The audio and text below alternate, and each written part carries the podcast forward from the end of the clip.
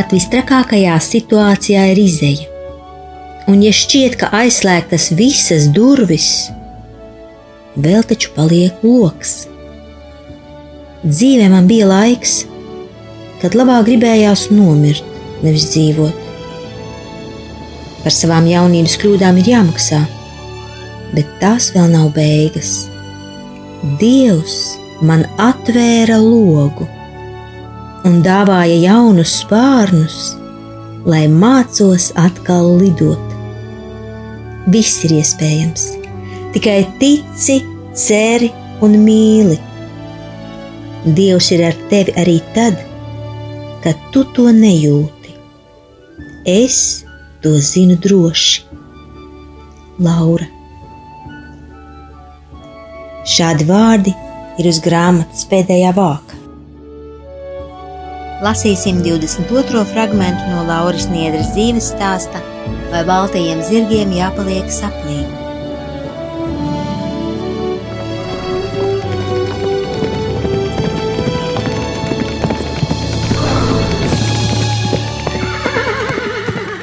Vasaras dienas Laura pavada mežā, lūgdamās un ar abiem mazajiem bumbuļiem lasīdama mellenes.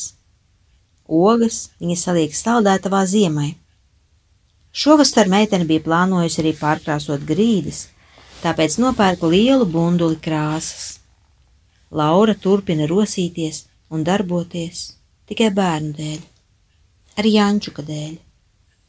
Jančuku šī nespēja mācīties ir novedusi līdz četrām nesekmīgām atzīmēm, vasaras darbiem un reālu iespēju palikt uz otru gadu. No tēva par to viņš saņēma tikai pērienu un mājas arestu uz visu vasaru. Praktisku palīdzību gan ne. Atbraucot no garāžas, Gatis tikai saltā tonī noprasa: Tu mācies? Fiksi savā istabā!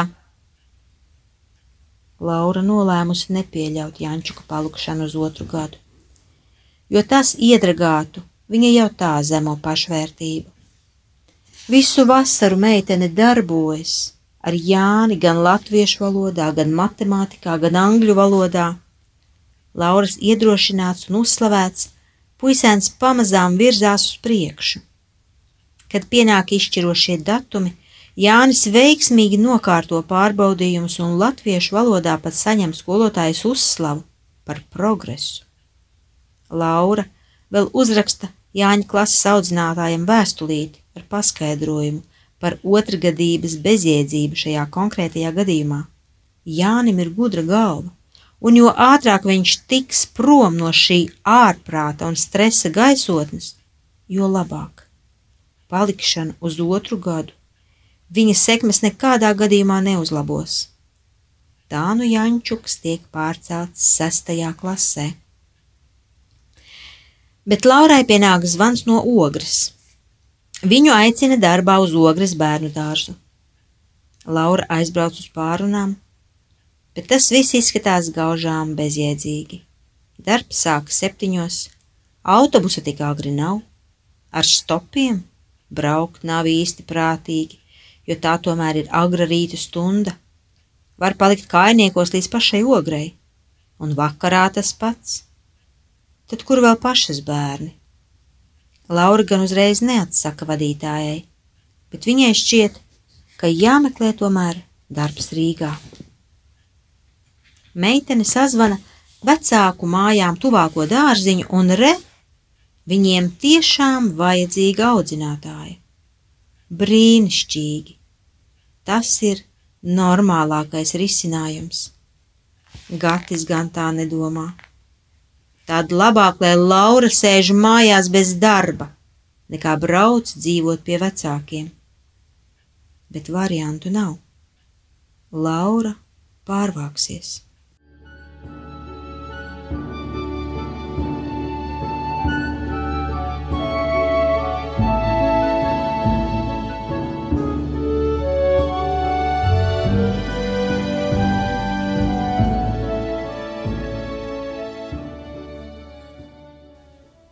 Gatis dusmojas un pārmet sievai, ka tas izjaukšot ģimeni, bet vai te ģimene vēl pastāv?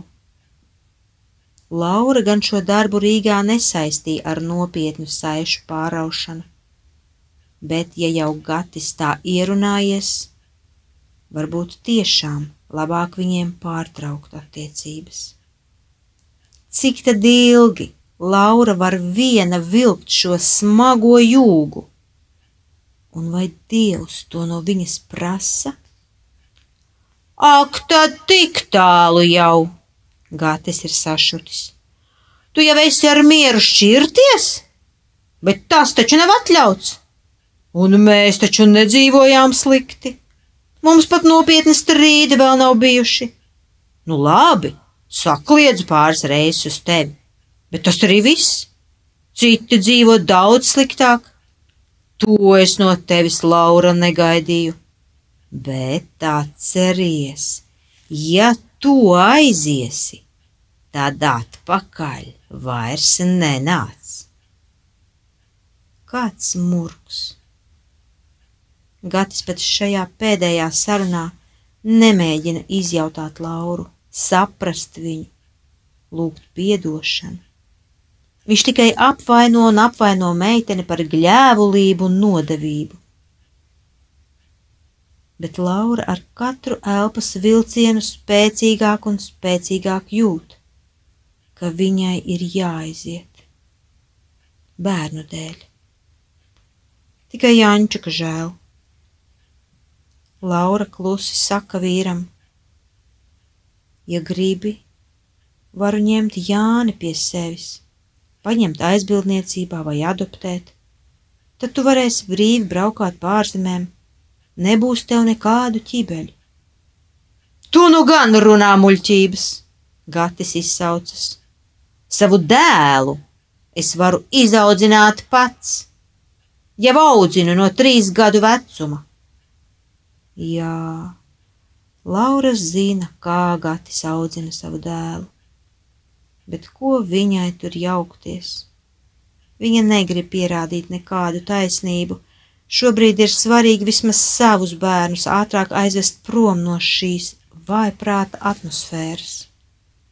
Nevar jau zināt, vai Gatis vispār tā vienkārši laidīs. Varbūt izdomās vēl kādu šantāžu. Laura aiziet aprunāties pie savas draudzenes ildzes, kas ir svētdienas skolas skolotāja.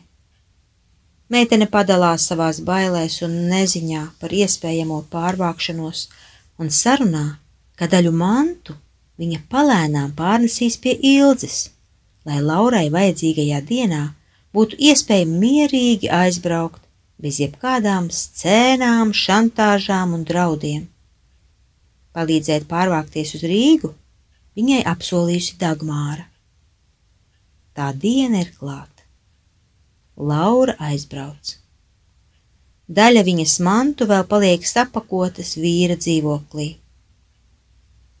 Gatis pakaļ uz Rīgu neskrien un scēnas nerīko. Laura tagad jūtas drošībā, jo ir vecāku paspārnē. Pēc laika Gatis pat piedāvā pārvest pārējās mantas, lai neizskatītos, ka sieva no viņa ir aizbēgusi. Laura piekrīt un vēlreiz dodas uz laukiem. Pie viena Viņa vēlas atdot gata garāžas rezerves atslēgu, kuru kaut kad sen vīrs bija iedevis paglabāt, un kura nejauši bija aizceļojusi līdzi uz Rīgu. Te, kur tava atslēga, Laura saka vīram.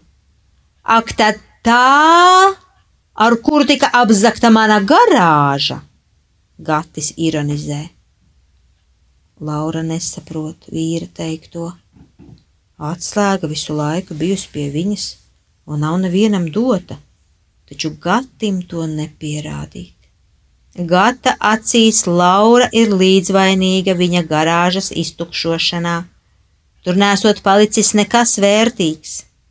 To atkal kāds ir izdarījis speciāli, un lai Laura netēlojot muļķi, it kā neko nezinātu. Laura netaisnojas tikai secina, ka vājprāts turpinās.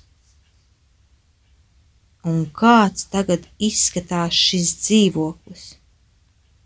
Vieni vienīgi netīrumi.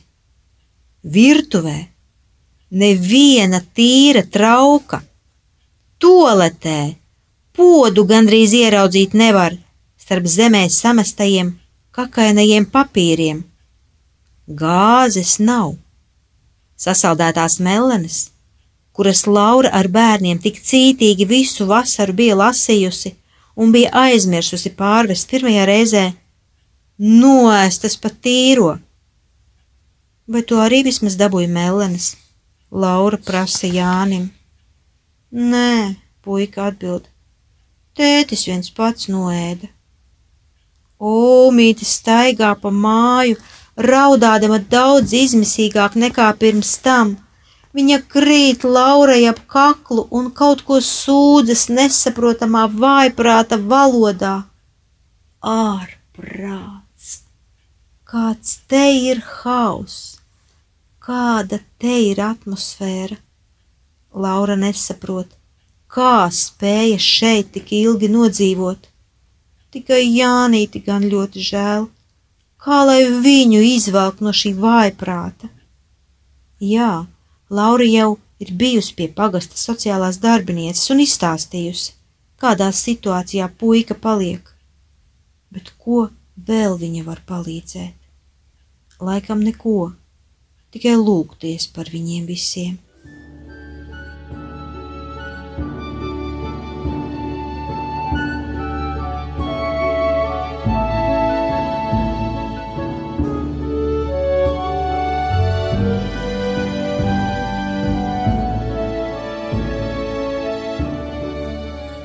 Nu Laura atkal sāk strādāt Rīgas bērnu dārzā. Viņas veselība pamazām nostabilizējas, bet bieži vien stresainās situācijās simptomi parādās no jauna. Tad satumst acīs, tad uznāk krekšķis un aizsita elpa, tad vienkārši ļoti sagribas raudāt par sīkumiem. Rīgā šis stress, kuram Laura nespēja turēties pretī, nāk no mammas, jo viņa ir alkohola atkarīgā. Bet, kad nav ko iedzert, tad visa pasaule ir slikta. Laura, riebekle un bērni pēdējie draņķi. Tad šķin trauki un cērtas durvis, un Laurai asaru strautiņš ir vaļā jo meitenes sirds nespēja panest, ja apsaukā viņas bērnus. Tuvojas ziema, un Laurai un bērniem ir nepieciešamas siltās drēbes, kuras vēl nepaspēja pārvest no laukiem. Kad kārtējā dusmas dienā viņa satiek baznīcā gati, meitene lūdz viņam atvest atlikušās mantas. Gatis apsola Nākamajā sabatā pēc dievkalpojuma Laura Gatim jautā, vai viņš tagad varētu aizvest tās mantas līdz mājām. Bet Gati sāk ārdīties. Ko tu mani komandē? Tagad es nevedīšu, un ja tev kaut kas nepatīk, tad vari braukt uz laukiem pati pakaļ. Laura nesaprot, kas pēkšņi ir noticis, jo pirms dievkalpojuma vēl viss tika sarunāts. Es tikai pajautāju, meitene nobijusies atbild. Kad tad tu varēsi, jo es pa dienu nebūšu mājās? Vakarā pēc koncerta, noskalda Gatis. Labi, es arī biju domājis nākt uz koncertu, tad vakarā. Kad beidzas koncerts, Laura baidās tuvoties Gatim, jo nekad nevar zināt, kas atkal nobriedis viņas smadzenēs. Gatis tomēr paaicina meiteni uz mašīnu. Ceļš šķiet garš un smags. Visu ceļu, kā vienmēr, runā tikai Gatis. Viņš nebeidz vien pārmest un apvainot Lauru. Tu man skaties, Gatis saka ledus tonī. Audzini bērnus labi, citādi sadomāšu un paņemšu meitu sev. Vai tad es viņus kādreiz esmu slikti audzinājusi? Laura skumīgi jautā. Nē, ir jau tev priekšrocības salīdzinājumā ar manu pirmo sievu, bet tomēr nav godīgi, ka es jau otro reizi zaudēju meitu. Tāpēc, ja sagribēšu, ņemšu viņu sev. Laura neko neatbild. Ledainis saltas bailes pārņem visu viņas būtni. Meitene zina, ka Gatis nerunā tukšu. Arī Jančuks pie tēva nokļuva kaut kādos mistiskos apstākļos ne jau pēc tiesas lēmuma un par savu pirmo meitu Gatis vienmēr bija lielīgi izteicies. Ai, vajadzēja arī Alīnu paņemt pie sevis, nevis tikai Jāni. Tas Lauru mulsina un biedē.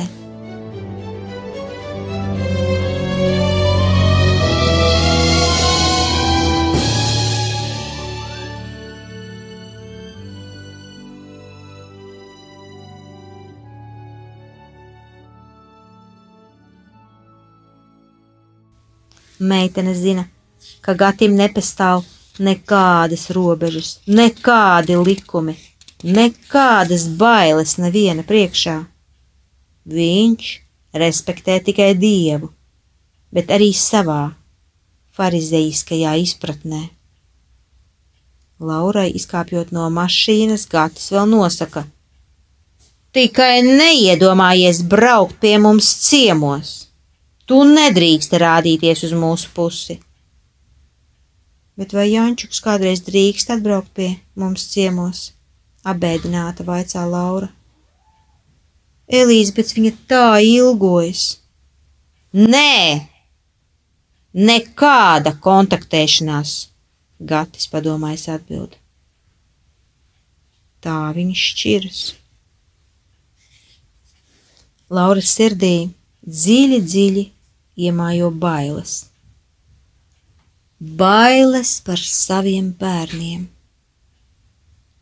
Par to viņa uzraksta arī vēstulē savai māsai Dārtai, cerot saņemt stiprinājumu un padomu.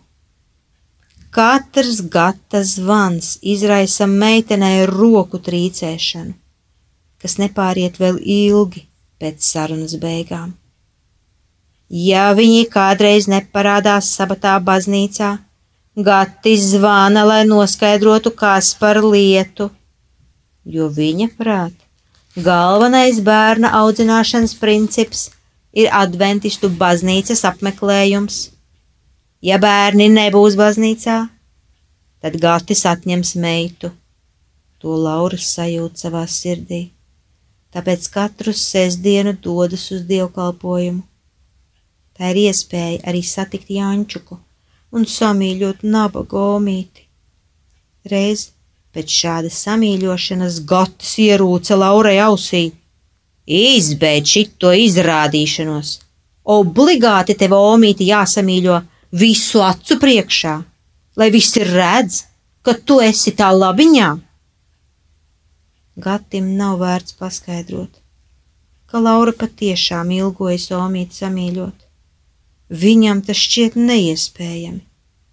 Tāpēc meitene apņemas nekad vairs nesamīļot Omīti gata acu priekšā, lai lieki nekaitinātu vīru. Dievkalpojumu viņa izmanto, lai izrunātos ar Jančuku par visām viņas sāpēm un problēmām. Jāņa vārdu plūdi ir neapturami, jo stāstāmā sakrājies tik daudz, un galvenais Tētis esot aizliedzis viņam ar Lauru sarunāties, taču Laura ir vienīgā, kam viņš var izskatīt sirdi. Pats adventistu baznīcas dievkalpojums meiteni vairs nesaista jau vairākus gadus, jo Laura ir sapratusi, ka šī baznīca nav vienīgā patiesā. Viņa šurpu nāca tikai, lai nesašķeltu ģimeni Arī Jančukam viņa ir parādījusi rakstu vietas, kur skaidri teikts, ka var ēst visu, un nekas nav nešķīsts pats par sevi. Tā viņi jau sen ar Jāni bija ēduši jebkuru desu, nešķirodami sastāvu.